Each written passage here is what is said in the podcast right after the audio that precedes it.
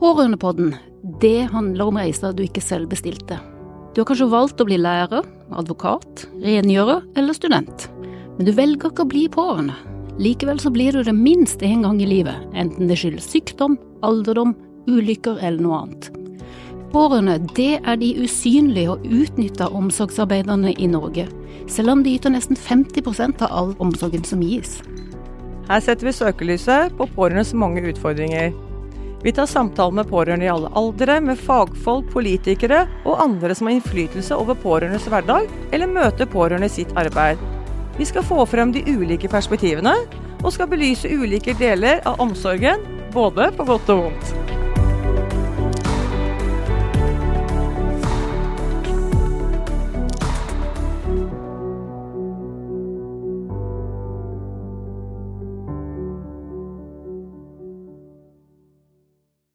Hei, du hører nå på Pårørendepodden.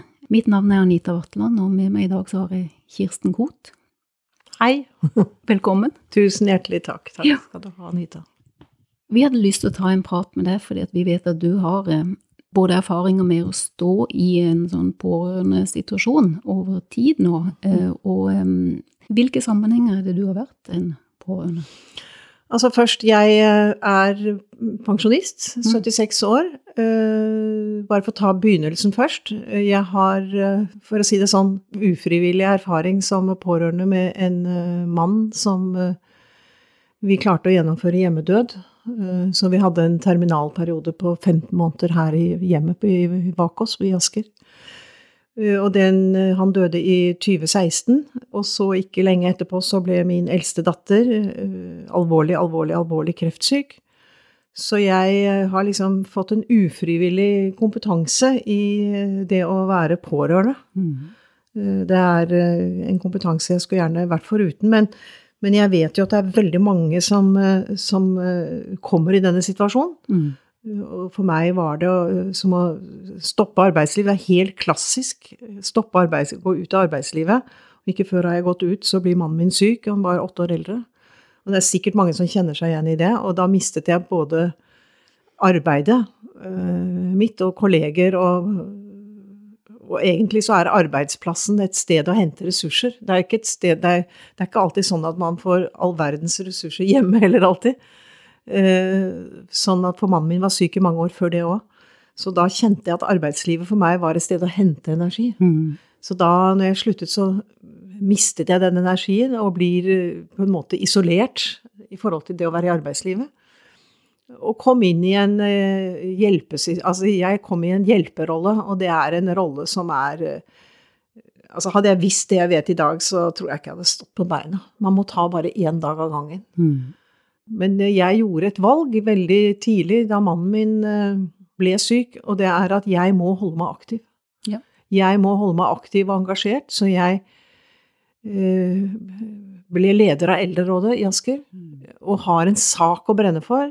Og en av de sakene jeg har brent for i de fire årene jeg har sittet, og nå går jeg inn i andre runde, det er jo pårørende. Og det er også grunnen til at jeg har takket ja til å sitte i et klinikkråd i OUS, altså Mm. Oslo universitetssykehus. Eh, og jeg sa ja, jeg går inn uh, under forutsetning at uh, mitt perspektiv kommer til å handle mye om pårørende. Ja. Og det har du tatt med deg også nå når du har en annen pårørendesituasjon eh, overfor eh, en datter. Eh, Ja, for det er liksom sånn at når du har en datter på 52-53 år som blir alvorlig kreftsyk, og som har vært det i to år, og er helt Altså, hun er virkelig hjelpetrengende. mm. og er, har bodd mer på sykehus i de to årene enn hun har bodd hjemme. Så er det klart at mitt liv, det har på en måte Jeg tenkte på forleden Det er liksom på, Jeg har på en måte satt det på vent, altså. Jeg er 76 år, og det er mange som har sagt til meg men hvorfor har du ikke fått en ny kjæreste? Eller sånn. Og så tenkte jeg kjæreste, hvordan i all verden skulle jeg ha tid til det hjem i disse slagene? Mm. Du skal ha litt overskudd for å tenke den tanken. Ja.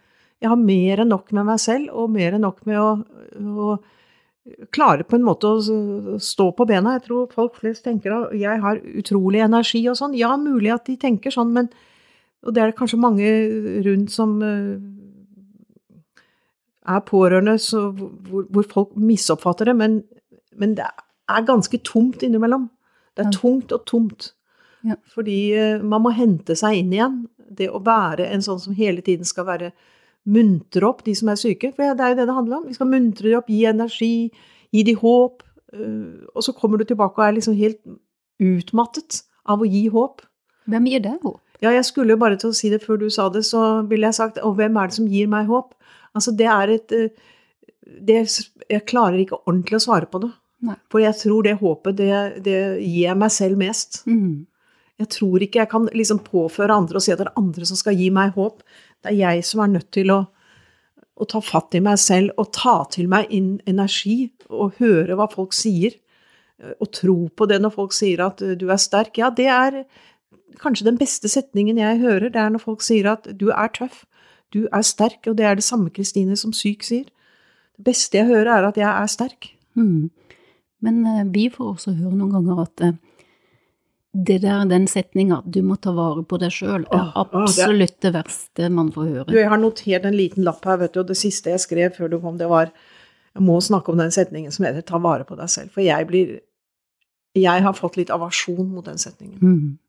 Men altså, jeg vet at folk mener det godt. Jeg vet at folk er hjelpeløse i språket. Jeg vet at noen trekker seg tilbake når det blir sykdom. De har ikke språk, de har ikke lært, de, de kan ikke hvordan de skal De mener det utrolig godt. Mm. Men for meg, som står i det, og får den i slutten av en telefonsamtale Ja, husk nå på det, ta vare på deg selv. Og jeg kjenner å nei, nå må du holde opp, altså. Mm. Hvis du virkelig mener det, så får jeg så lyst til å svare og si ja, men øh, kan du komme med et forslag til meg, liksom? Mm. Hva, altså, ja, kom med en lite brød på døren, da. Hva, ja, hva Altså- ville hva vil du satt pris på? Ja. Er det, For det er, de bitte små tingene, skjønner du, det er ikke noe annet. Det er de bitte små ordene og de, de vennene som er de trofaste, som øh, bare sender melding og sier 'jeg tenker på deg nå'. Altså, mm.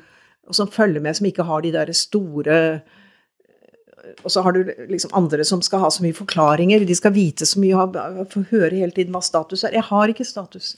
Nei. Jeg vet ikke hva det blir. Altså, det er sånn som da mannen min lå terminal, så, så var det liksom Jeg fikk følelsen av at folk tenkte hvor lenge er det han skal ligge og dø? Mm. Ikke sant? Mm. Eh, Jeg hadde ikke noe å si på slutten, vi bare måtte ta en dag av gangen. Men når du sier det sånn, hva, er det noen bilder du har på hvordan pårørende har det i samfunnet vårt i dag? Altså, hva, hvor, hvor, hvor synlig er den rollen? Hvor, hvor, hvor omtenksomme er vi virkelig? For vi, vi liker jo å gi uttrykk for at vi er det.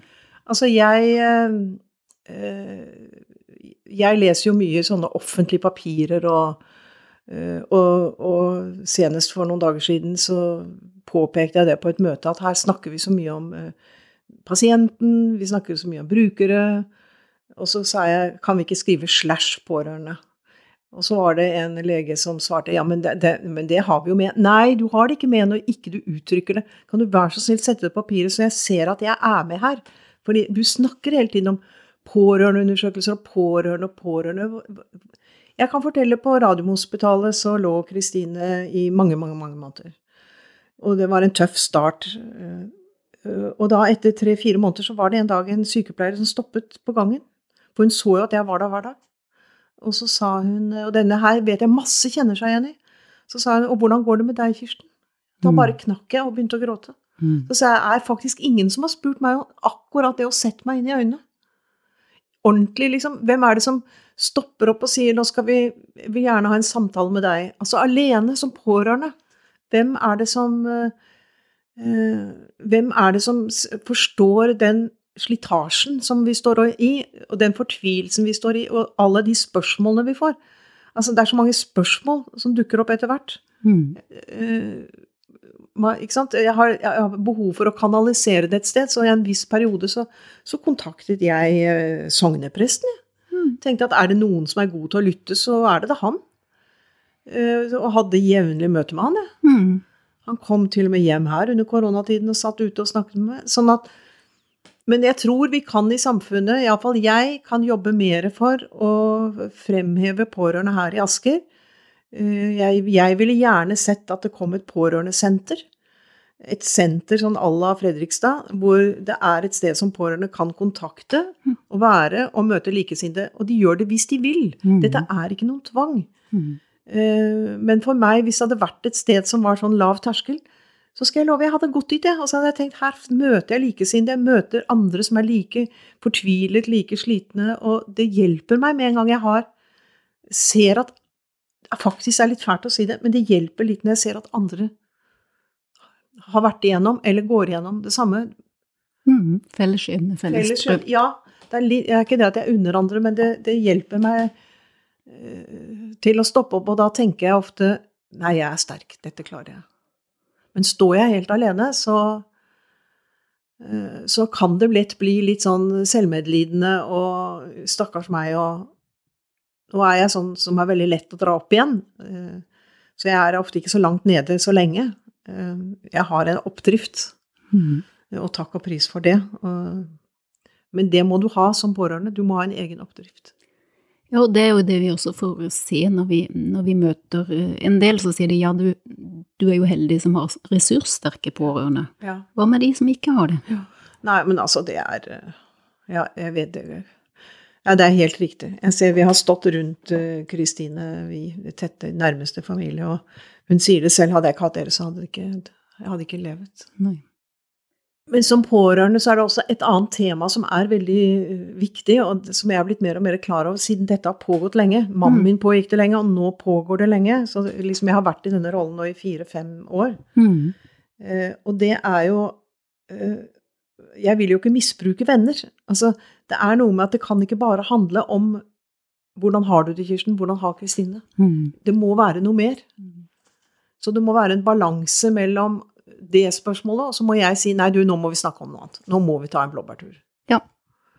Uh, for det at jeg, ellers du må, kan ikke spise opp venner. Det blir jo veldig kjedelig å være sammen med meg hvis det alltid handler om sykdom. Mm. Ja, for det blir jo, Hvis du da ser at du har en ren altså foreldrerolle, du er jo mm. mor mm. i utgangspunktet. Eh, hvilke, du sa dimensjoner, støtte, gi håp, eh, gjøre praktiske ting, andre sånne ting det er jo en balanse i hvordan man vil fortelle om dette og, og, og, og ja, slite ut nettverket sitt. Ja. Blir, du blir den litt triste pårørende som alt, alle syns synd på. Ja, og det klarer jeg ikke. Altså, Nei. den syns synd på-rollen, den uh, Det sier jeg ganske At den vil jeg ikke. Nei. For jeg vet at jeg også har ressurser. Jeg vet at, at jeg har mye å bidra med på veldig mange ting. Men uh, men eh, Nei, det er en vanskelig rolle. Også fordi at eh, jeg har, har en datter til, jeg har barnebarn. Mm. Eh, egentlig så burde jeg nå ha brukt tiden min litt annerledes. Altså ja.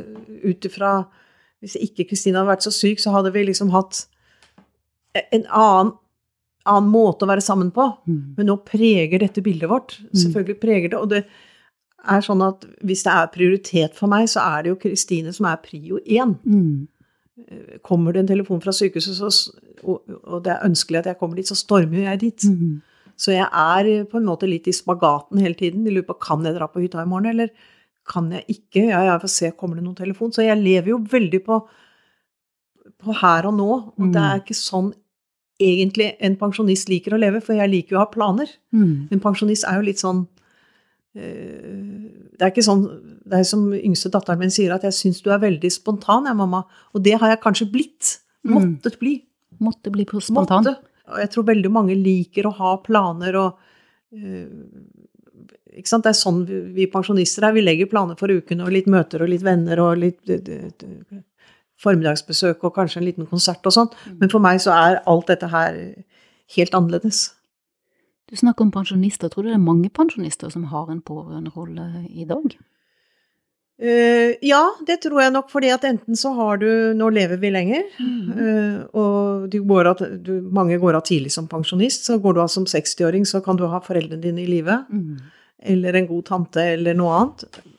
Og det blir jo mye mer, for vi skal jo bo altså Nå er jo alle planer vi skal bo hjemme lengst mulig, alle sammen. Mm.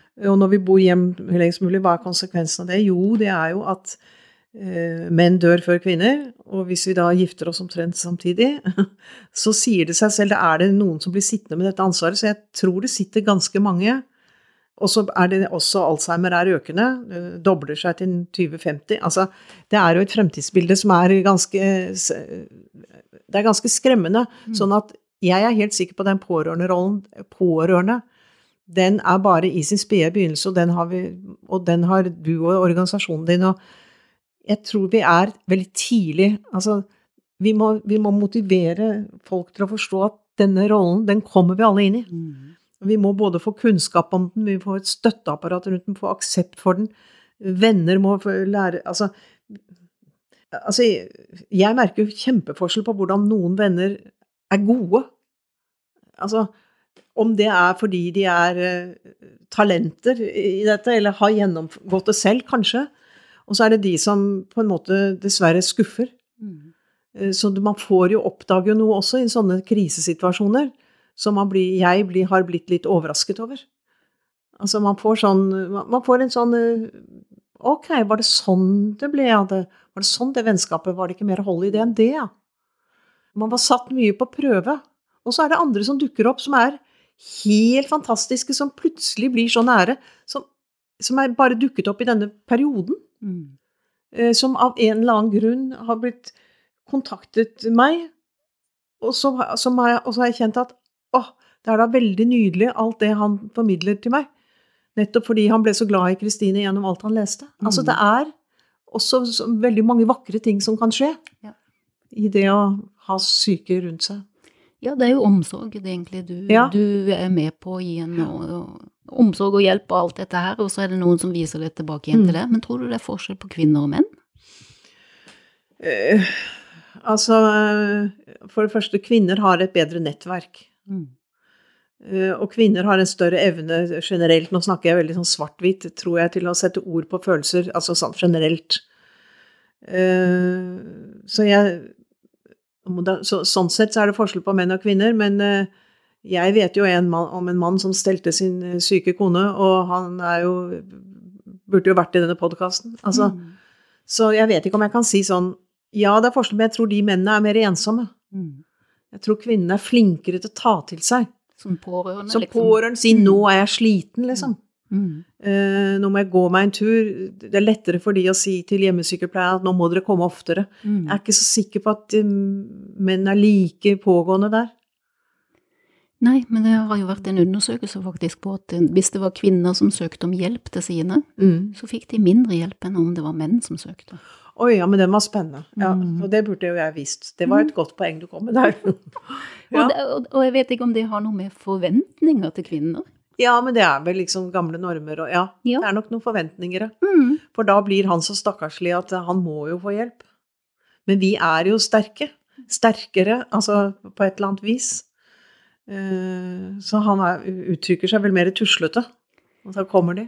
Ja, og så er det kanskje synd på en mann som har hatt en hjemmeværende kone som ikke nå lenger kan koke poteter sjøl. Ja, Altså den generasjonen, da. Mens den ja, Vi er jo spent på hva heter det, småbarnsforeldre nå. Og fedrene, blir de like gode sønner og ektefeller Ja. som pårørende fordi at de er vant til barselpermisjon og Ja, det er riktig foreldrepermisjon det. Ja, men det er riktig det. Så de Mm. jevner seg vel ut. Ja, vi håper jo det, da. Ja. Mm. Så, det. For det er jo den skjulte omsorgen, som det oftest kalles. Og det er jo veldig mange kvinner som Du sto i full jobb helt til Jeg sto i full jobb til jeg var 69, og da jeg var 70 så døde Sven. Så jeg sto liksom i jobb og hadde tenkte sånn nå skal vi ha noen gode dager. mm. For jeg har jo vært litt karrierekvinne og syntes det var gøy å jobbe. Mm. Eh, Så tenkte jeg nå. Men så kom det altså Da kom den meldingen. Mm. Som jeg tror mange, mange kvinner står i. Ja, for det er jo det vi ser da, at en del eh, slutter å jobbe, eller går i deltid, Ja. eller blir langtidssykemeldt eller ufør fordi de rett og slett tar over pleieoppgaver. Nei, det var jo ikke det som skjedde for Nei. meg. Det var sånn at jeg gikk ut av jobben, og så kom pleien. Mm. Men eh, ja. Mm. Hvilket samfunn skal pårørende få eh, om eh, 20 år, hvis du kunne få eh, være med og, og si ditt? Du gjør jo ditt gjennom arbeidet i dag. Altså pårørende Ja, jeg ville jo ønske Hvis jeg kunne Så ville jeg ønsket en helt annen eh, bolig, poli- boligpolitikk for eldre, som Mm. gjør at vi bodde annerledes. Mm. Sånn som jeg bor nå. Jeg bor i en tomannsbolig stor på 270 kvadrat. Altså hva er det Jeg trenger jo ikke så mye plass. Her skulle det vært bygget for et annet type fellesskap når vi blir eldre, som gjør at avlastningen eh, At vi er flere om, eh, om den eh, rollen, rett og slett. Mm. Omsorgsrollen, da. I og med at du skal bli boende lenger hjemme. Ja, det kunne du blitt hvis du bodde rundt en tunløsning hvor det fantes forskjellige ting, litt felles, tilgang til ditten og datten. Mm. Så der tror jeg det er mye å gjøre. Men det ser jeg jo også politisk at det jobbes med eh, i kommunen for å gjøre noe med. Men, men det løpet tar lang tid. Mm. Uh, og så ville jeg nok hatt uh, Jeg ville hatt et pårørendesenter her i Asker innen ti år. Det Mm. vil jeg gjerne ha. Mm. Et sted hvor man, la, terskelen er lav, og det går an bare å komme inn og ta en kaffe og gå igjen. Mm. Som har det som perspektiv at her lager vi aktiviteter, her lager vi foredrag, her gjør vi ting som er for å støtte og styrke de pårørende. Og det kan man jo også ha i en distriktskommune langt ute i, hvor Ja, man bare ja, nei, har et det er helt uavhengig, og jeg Mm. tror det ville hjulpet eh, helsevesenet også. For Mm. jeg tror at pårørende eh, er forstyrrer helsevesenet. Mm. Altså, og jeg tror da kunne de fått det de trenger et annet sted. Mm. Ikke sant? For jeg, jeg har jo en eh, datter som også er lege, og jeg har diskutert dette med henne.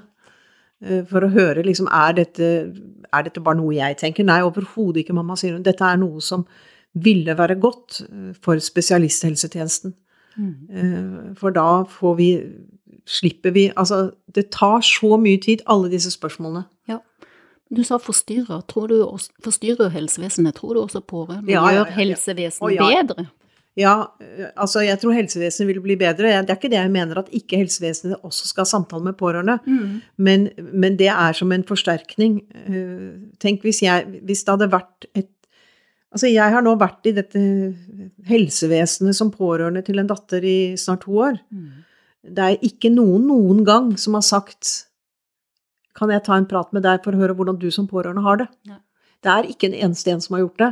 Mens jeg må forstyrre professoren eller overlegen og si 'kunne du ta en prat med meg'? Det er ganske Jeg føler veldig at jeg da spiser opp tiden. Mm.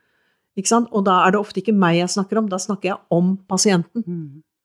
Men jeg sier at meg, altså hvem er det som skjønner at jeg ville hatt godt av den Hva er det som bekymrer deg mest, ikke sant? Mm. Hvor er det skoen trykker mest for deg? Jeg vet at du også hadde noen tanker om en ting som, eh, som mange møter når de er mye på sykehus. Det er jo dette med rett og slett at vi står der og står der og står der og betaler og betaler og betaler ja, for er jo. Ja, for det, var jo derfor jeg i sin tid også kontaktet deg, for jeg sa her må det, må det skje noe, altså. Når jeg betaler 200-300 kroner for å være julaften eller, eller nyttårsaften på Radiumhospitalet med Kristine, Mm. det er skammelig. Og da husker jeg jeg sa til en lege dette her er skammelig. Mm. Så sa han «Eh, vær så snill, ta det opp. Vi har tatt opp så mange ganger. Det må komme fra annet hold. Mm. Altså, det må være mulig å få en oblat hvor det står eh, Ikke sant? Denne pasienten har gratis parkering. Mm. Jeg avlaster også Altså, alle de gangene vi var på sykehuset, tenker jeg så mye som også ble avlastet med at hente, bringe Altså Mm. så det er noe med å se på pårørende på sykehus også som en ressurs, ikke bare som en pest og plage. Mm. Eh, For vi er, kan iallfall være en ressurs hvis det legges opp til det, og hvis det er litt gode samtaler rundt det. Hvordan kan vi best, eh, når du kommer her så ofte Det kunne hende at de skulle også sagt til meg det er ikke så riktig at du er her så ofte. Nei. Altså, Det er jo noe med å få korrektiv òg. Det er ingen som gir korrektiv heller. Mm. Så jeg må jo finne ut av alt selv. Er det bra å komme så ofte, eller er det ikke bra? Så en pårørendesamtale med deg med jevne mellomrom Ja. i et langt løp, det er I ganske et langt løp. Mm. Altså, er, vi er liksom litt tilbake til uh, Fugelli som, som uh, var veldig opptatt av dette å ha én primærkontakt, én lege, ikke sant. Hvem er den ene når du blir sendt fra sykehus til sykehus og mellom institusjoner? Så er det med Altså, er det noe jeg ville sagt, som jeg ville gitt som råd, og som ikke vi har gjort, så er det fra det øyeblikket du er pårørende, begynner et pårørendeløp med sykdom, ha en bok og begynne å logge. Mm. Hva skjer når? For det er de utroligste ting som man da i etterkant ser Nei, men dette var jo feil. Her ble det feil medisiner. Nei, men vet du hva? Ja, Så du anbefaler det? Å Ja, ha en virkelig- dagbok Ja, eller en notatbok? Mm. Men vi, jeg har ikke klart det, fordi eh, jeg har hatt nok med å stå på bena. Så jeg har Mm. tenkt etterpå hvorfor gjorde jeg det ikke? mm. Uh, og det er fordi jeg tror ikke jeg har klart det. Når dagen har vært omme, så kan jeg ikke da sette meg ned som en annen og lage referat fra dagen. Altså da, da er jeg sliten. Mm. Da må jeg eh, gjøre noe sånn feel good-aktig, Mm. Mm. Det skjønner jeg. som bare er, er meg. Men, men, men det husker jeg også med mannen min, at jeg sa til slutt Da han døde, så sa jeg til hjemmesykepleieren kan, kan dere være snill å ta en utskrift av loggen dere har? Jeg vil gjerne ha den, for nå har jeg behov for å se hva skjedde i denne Mm. tiden. Mm. Men jeg fikk den aldri. Nei. Men så tenkte jeg etterpå det var kanskje like greit. Ja. Er det noe du ville ha sagt til deg sjøl da når, dette begynte, da dette begynte, som eh, det var rådet Ja, om Da, ville jeg, da tror jeg jeg hadde sagt til meg selv faktisk de ordene som omgivelsen sier hele tiden. Ta vare på deg selv. Mm. Da tror jeg jeg ville satt meg ned ordentlig og så sagt nå må jeg finne ut hva betyr de ordene. Mm. Hva betyr det å ta vare på seg selv? Og tegnet og fortalt. Ja, ok, det betyr at en gang i uken må jeg på tur, må jeg ditten. Jeg må ringe venner, må formidle til venner at de må følge med. Altså, da hadde jeg liksom hatt en oppskrift på det. Mm. Eh, Men det er ikke sånn det fungerer når du blir pårørende. Da, det kommer sånn kastende over deg, og så blir det én dag av gangen, og du bare står på beina på et vis. Mm. Men eh, jeg ville nok hatt en større plan. Men det kan, kunne jeg ikke klart. Nei, plan for det uforutsette. Ja, ikke sant? Mm. Men jeg har én sånn søt historie. For på det, da Kristine var på det sykeste og lå i respirator, så var det faktisk, det skal han ha, så var det en professor eh, Han visste at jeg skulle til Montebello-senteret, hadde fått plass der. Da sa han 'du reiser'. Og så sa han jeg kan jo ikke reise nå, hun ligger i respirator'. Jo, du reiser. Mm. Og da hadde han formidlet til sykepleierne at når mammaen kommer, så skal dere si 'når reiser du'? Når? Ikke sant? Det ikke, men hvordan vet du det, sa jeg til sykepleieren. Du, det er professoren som har sagt det. Mm. For du, du trenger. Det var den 'ta vare på deg selv'. Mm. Da så de det også. De så det. Så jeg, så jeg må være rettferdig. Det er nok noen som har sett det uten at de har snakket med meg om det. Nei. Nei, for vi får høre det. Jeg tror du er inne på noe viktig når du sier det å sette av tid Ja. regelmessig. å si at nå har vi hatt eh, journalen til pasienten, men nå må vi også ta en pårørendeprat. Jeg tror det må liksom Ordet pårørende må Det må iallfall mye tydeligere inn. Mm. Altså, vi fikk presentert noen sånne forskningsprosjekter forleden på, fra OUS. Mm. I, jeg sitter i Eldrerådet i Viken også, og da Og så sitter jeg i dette klinikkrådet også, på OUS, og da ble det presentert. Og da var det altså påfallende, da snakket eh, forskere i en halv time, og da sa jeg bare 'Har dere kommentarer?' sånn. Så sa jeg ja, det har jeg. Hvor er ordet pårørende hen? Ja. Dette var interessant, sånn. Det var en god tilbakemelding. sånn. Mm. Og det, for meg var den så åpenbar. Mm. Men tror du de gjør noe med det? Ja, det tror jeg de gjør. Iallfall så lenge jeg sitter der, så Mm. kommer jeg til å si det hver eneste gang. Det er sånn det blir. Vi man, man, man, Nei, men jeg, jeg vil gjerne da ha den rollen. Å ja, nå kommer hun igjen med den Mm. pårørendegreien sin. mm. Og jeg tror det er sånn det må være. For at hvis det er noe du skal få til Jeg har jo jobbet frem frivillighet i Mm. en kommune, i Bærum kommune, og vært eh, pioner i det arbeidet. Mm. Eh, fra 1980 og fram til jeg sluttet. Og, og, og sånn følte jeg at det var med det også. Jeg måtte liksom måtte selv, selge inn det budskapet og måtte markedsføre det hele tiden. Og sånn tror jeg det er med pårørende. Du må holde på, Anita. Mm. Og bare hold på helt til slutt, så er de litt lei deg, men du- kommer til mål. Ja, vi har sagt vi må være en stein i skoen, vi som gnager og Ja, gnager, må gnager, gnager hele tida. Ja, ja. Ja, eh, men eh, for det Eller også interessert i du sier pårørende og frivillige. Hva er forskjellen på det pårørende gjør og det frivilligheten gjør? Altså, um, altså, ja, det er sant, for uh, det viser seg at det frivillige pårørendearbeidet da, som gjøres, eller innsatsen, den er jo like stor i årsverk som den frivillige innsatsen som gjøres av, av egen fri vilje. Mm. Du kan si pårørende er ikke frivillig på en måte, for det er ikke av fri vilje. Det er noe du, det er noe du må gjøre. Mm. Frivillighet er av egen fri vilje. Mm. Noe du selv velger.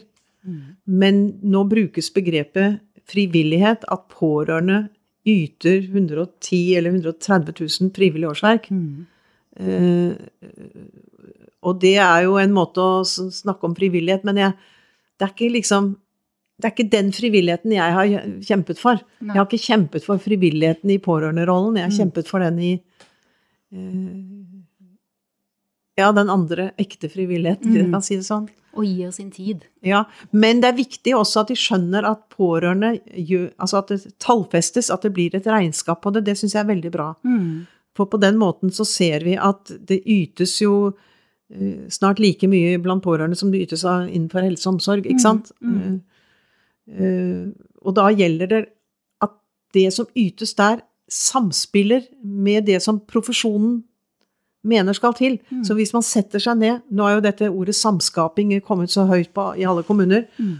Jeg tror liksom de har funnet opp kruttet på ved å si det. Det er jo en godt samarbeid, og det at helseapparatet Den gangen vi hadde hjemmebaserte tjenester her, Mm. de burde jo ha samspilt med meg Ja. og sagt hva kan du gjøre? Hva kan vi gjøre? Hva er godt for pasienten at du gjør? Kanskje det hadde vært bedre at du masserer bena hans enn at vi gjør det. Ingen som noen gang sa noe sånt til meg. Jeg har etterpå tenkt det er da mye jeg kunne gjort hvis de hadde snakket med meg. Vet du hva som skjedde i den tiden? Da, det, her er vi jo, det her vi sitter nå, da var jo sykestue. Mm. Og når hjemmesykepleien kom om morgenen, så satt jeg veldig ofte på kjøkkenet, for jeg likte å ha kontrollen. Da hørte jeg hva som skjedde. Kunne gripe inn hvis noe var feil. Må ha vært helt forferdelig for dem. Det de burde sagt var, vet du hva, når vi kommer, om det så er bare en halv time, da skal du ut og gå en tur. For du trenger ikke sitte her og kontrollere oss. Mm. Altså, hvorfor kunne de ikke bare gjort det? Mm. Og så kunne de ha sagt at i dag kommer vi til å være her litt lenger, for nå skal du gå en tur på en time. Mm. Da hadde de tatt vare på meg. Og pasienten Ja, samtidig. ja. Mm. Og snakket med meg. Hva kan jeg gjøre? Mm. Hva kan men, men det å være pårørende, det er mange forskjellige ting. Det er omsorg, men det er også kontroll. Mm. Eh, Fordi at alt som foregår, er ikke bare bra. Og da er da pårørende den friske parten som da kontrollerer og følger med og påpeker og sier 'men du, han skulle jo ha medisiner da', eller 'hvorfor fikk han ikke det', eller Mm. 'Hvorfor kommer det for sent', og ja. Så det er veldig Man får mange ulike roller. Man får ikke, man får ikke bare én rolle. Nei. Nei, det er mange som sier det. De er sykepleiere, advokater og søk, Ja, det det. søknadsskrivere Ja. og transsjåfører og Jeg ble koordinator og sånn, og Mm. det som da var, er en veldig rar opplevelse, som jeg tror også mange pårørende kjenner seg i, for da min mann døde i 2016, da mistet jeg jo så mye. Da mistet jeg rollen min som pårørende. Mm. Og så mistet jeg omsorgsrollen, og jeg mistet å være kontrolløren. Og jeg mistet Jeg var helt, ble helt forvirret, jeg. Mm. Var det noen som fanga opp det? Nei. Nei. Ikke som jeg opplever. Mm. Men eh, det er sånn i etterkant så har jeg tenkt at eh, det var vanskelig tid, altså. Mm. Uh, Og det er også sånn som man kan forberedes på. Ja. Når omsorgen er over, hva da? Så det er et eller annet sånn eh, Det er ikke det jeg mener at man skal gå på kurs, kanskje, men Eh, Og så er det det der med at når du sitter midt oppi det, så er ikke sikker jeg hadde tatt imot det engang, men det kunne kanskje vært nyttig å hatt eh, en eller annen form for inspirasjonskurs eller noe påpekt, liksom de forskjellige Det jeg nå snakker om. At jeg Mm. kunne fått vite det. Mm. Men jeg vet ikke, ja. Nei, jeg ser det. Fordi, men gikk du på pårørendeskole, eksempel, da? Demens? Eller Nei, men noe han- sånt? det var jo ikke demens. Det var, nei, nei. Altså, du skjønner, det det er, så, det er også noe som slår meg veldig. Mm. Fordi at er du eh, pasient eller bruker eller pårørende innenfor demens Mm. og innenfor kreft, Mm. så tror jeg du kan gjøre mye. Da kan du ringe kreftkoordinator og demenskoordinator. Men når du da er pårørende til en eh, lungefibrose, Mm. som jeg var, som da var veldig nytt, Mm. Da er det ingenting, for da har ikke kommunen noen ting. Nei. Så da måtte jeg kontakte sykehuset, og så Mm. fikk man hjelp derfra. Sånn at eh, det, er, det er noen sykdommer som faller mellom noen stoler her òg. Eller man kunne tenke, seg at det var noe som var diagnoseavhengig felles for alle Ja. som er pårørende, og Ja. så kommer det diagnosen spesifikt Ja. for hver enkelt gruppe etterpå. Ja. Mm. Ikke sant? Ja, at du får en sånn Ja, når sorgen er over, skal, eller når omsorgen er over, hva skal du gjøre da? Hvordan skal du komme videre med livet ditt? Er det mindfulness, eller en Ja. tur, eller? Mm. Altså, det var nok en fra hjemmesykepleien som kom en uke etterpå og satte seg ned en liten halvtime, men men det er en veldig stor overgang i et liv å miste din nærmeste. Mm. Uh, Og jeg kjenner at her, her er det et stykke jobb å gjøre. Her er det noe som kan gjøres. Mm. Men så er det liksom Man må gå veien alene òg, da. Det er det derre Ikke sant? Mm. Ingen kan gå til Nei, det sammen. nei da, det er liksom det derre Bjørn Eidsvåg-sangen Mm. som slår inn, og det, det må man jo. Mm. Men den måten jeg løste det på, da Og det har jeg bare sett i etterkant. Hvordan jeg løste det da min Da jeg mistet eh, min mann. Mm. Eh, Det var at eh, jeg holdt foredrag om det å ha en hjemmedød. Mm. Og ha eh, Hvordan jeg opplevde det, og hvordan jeg opplevde hjelpeapparatet. Mm. Så jeg rett og slett begynte å reise litt rundt og snakke om dette. Mm. Og det ble min Jeg begynte i kirken og holdt et foredrag ganske fort etterpå. Mm. Så det ble min måte. Men det var min, det kan ikke alle gjøre. Men det er fordi at jeg hadde det frivillighet-aspektet inni hodet mitt, og hadde nettverket til å kunne holde foredrag, og ble spurt. Mm. Så jeg syns på mange måter at jeg har gjort mye bra. Mm. Jeg, jeg har gjort mye bra. For deg selv. Jeg har gjort mye bra for meg selv. Jeg har det. Mm. I etterkant. Og jeg lurte på hvor fant jeg den styrken hen? Jeg vet ikke. Den bare var der, kanskje. Mm. Men det er, det er de der ordene hold deg aktiv og engasjert. Ikke meld deg ut. Be om hjelp. Eh, altså virkelig, om det så er bare gå den lille turen på et kvarter, er, det er bare det lille hele tiden. Mm. Vær fornøyd med det. Godta at du er utslitt. Godta at du er helt utmattet. Det har, det har tatt meg litt tid å godta. For det er jo sånn, jeg har dager nå når Kristine er som sykest, så er det akkurat som energien bare renner ut av meg. Så tenker jeg ja, men da er det sånn nå, da. Da er det annerledes i morgen. Mm. Uh, Og det er kanskje en fin avslutning på det vi snakker om nå i det hele tatt. Altså, at det er, det, det er sånn det er. det er sånn det er. Det er sånn det er. Det er har du noe du ikke har fått sagt, som du vil si? Du sikkert, for jeg er jo sånn verbal og verbos person, så det er det sikkert. Og det, etter at det er slutt, så kommer jeg til å ringe deg og si noe glemte jeg nå. Eh, kanskje avslutningsvis så er det viktig å tenke at vi er alle veldig ulike. Mm, Og vi har alle veldig ulike reaksjoner i sorg. mm, Uh, og det er vel kanskje også en lærdom som jeg har eh, tatt mye til meg, fordi at vi er en familie hvor alle reagerer litt ulikt. mm, Det tok meg liksom litt tid å på en måte godta det, at ikke alle reagerer som meg. Men eh, jeg har min måte å reagere på, andre har sin måte å reagere på, og eh, det, det er, der må vi være large, altså. mm. Rom for Noen eh, sørger helt alene, mens jeg er jo sånn som roper høyt 'Jeg dør ikke i skogen alene'. Jeg roper høyt først, liksom.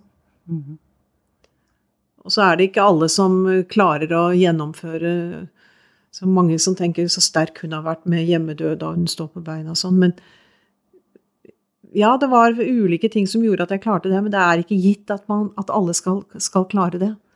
For det er eh, hjemmedød, å være pårørende og ha det, det er, eh, det er barskt. mm. Det skal noe til å, å, å stå i det. Ja, og- å stå i det. Mm, Så hvis jeg hadde visst hva det hadde vært, så er det ikke sikkert jeg hadde klart det om igjen, liksom. Men du tar én dag av gangen. mm. Ett steg fremover. Mm. Mm. Men jeg sitter igjen med, sånn avslutningsvis, så si, faktisk så sitter jeg igjen med en følelse av at jeg gjør alt det jeg kan. Jeg har Jeg sitter ikke og tenker at jeg burde ha gjort mer. Jeg syns jeg gjør alt det jeg kan. Gjør, gjør både for mannen min, og jeg Mm. gjør det for min datter. Mm. Men det, da står det bare tilbake Jeg må passe på meg selv. Det er viktig. For det er nok også mange som sitter og sier jeg, jeg gjør det alt det jeg kan, og så har jeg likevel dårlig samvittighet. Ja. Nei, jeg har ikke dårlig samvittighet, men det det er vondt, det er smertefullt Mm. å se uh, dine nærmeste syke. Det er Mm. smertefullt å være den som står på beina. Mm. Uh, Som jeg fikk en sånn I går fikk jeg høre Kristine sa Men mamma, du kan jo bare gå hjem, du, og gå på blåbærtur. Og da kjente jeg at sånn Og da spretter tårene. Og så Ja, det er sant, det. Jeg kan det. Men jeg, det men jeg plukker jo de bærene til deg. Sa jeg til henne. Mm. Jeg går jo ut for å plukke til deg. Ja. ja. Hvem, eh, hvem eh, plukker til det? Ja, ikke sant? Mm. Ja. Tusen takk, Kirsten, for at du tok deg tid og, og raust deler av det du erfarer og tenker. og Håper jeg jo at det også gir andre noen tanker om eh, Ja, det sånn, håper jo jeg sånn er det, og at vi er tolerante med hverandre for forskjellene i denne rollen. For det, Mm. tror jeg, Mm. det tror jeg faktisk er noe av det viktigste. av Ja, det var godt vi fikk fram det. Ja, fordi vi har så lett for å dømme og si hvorfor gjør ikke hun mer, Nei. eller han, eh, han stilte ikke opp der, og så vet vi ikke hva som Nei. hver enkelt har. Og vi er jo like forskjellige som pårørende som, som mennesker. Ja. Og, og familiesituasjonen er også veldig ulik, Mm. så, så det må vi ha rom for å se. Og hvis da helsevesenet sier hva, hva er viktig for deg, så man jo sier nå at pasientens helsetjeneste. Ja. Så at vi får fram det, det tror jeg var et godt Men, poeng. men, men du vet, på sykehuset så er det jo en kampanje, iallfall på Tønsberg sykehus, jeg gikk ut i går, eh, så står det sånn Hva er viktig for deg? Det er en Mm. kampanje som heter Hva er viktig for deg? Mm, Men da er det igjen rettet mot pasienten. mm, Men da syns jeg den skulle like godt vært rettet mot, eh, mot pårørende. mm. Hva er viktig for deg? Mm. Hva er viktig for deg? Dere, du har et liv utenom at du har denne pårørendesituasjonen også. Mm. Ja. Nei, tusen takk, Kirsten. Jeg Takk tror vi stopper der, og takk for tida di. Så Takk skal du ha. ønsker vi alt godt fremover. Ja, i like måte. Er dette tema for deg eller noen du kjenner? Følg oss gjerne på sosiale medier, hvor vi synliggjør og gir de pårørende stemme. Du finner alle lenkene i episodebeskrivelsen.